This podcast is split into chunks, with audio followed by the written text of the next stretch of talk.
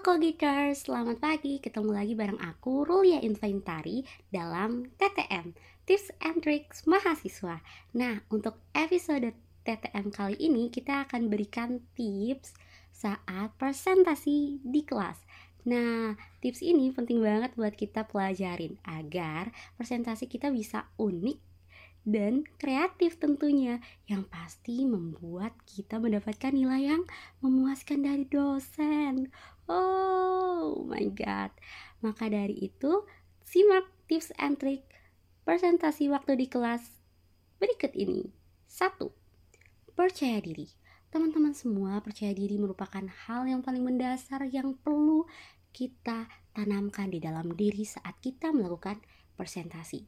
Karena dengan kepercayaan diri kita, semua audiens akan tertuju pada kita dan memikirkan bahwa kita adalah orang yang memahami materi yang akan kita sampaikan.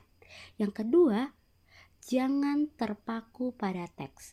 Teman-teman Kogiters, usahakan untuk tidak terpaku pada PPT saat kita presentasi.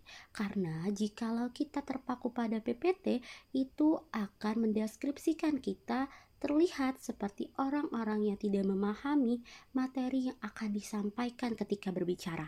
Maka dari itu, pahamilah materi terlebih dahulu, pelajarilah materi terlebih dahulu agar saat kita menyampaikan materi, kita tidak perlu lagi terpaku pada teks sehingga kita bisa dilihat audiens seperti orang yang memahami materi.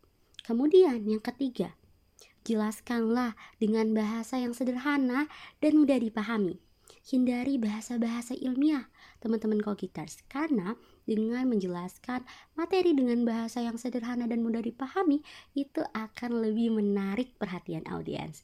Nah, itu aja nih teman-teman tips and trick dari TTM untuk episode presentasi.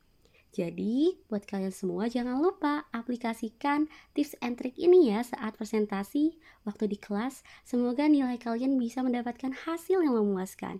Bye bye. Sampai jumpa di TTM episode selanjutnya.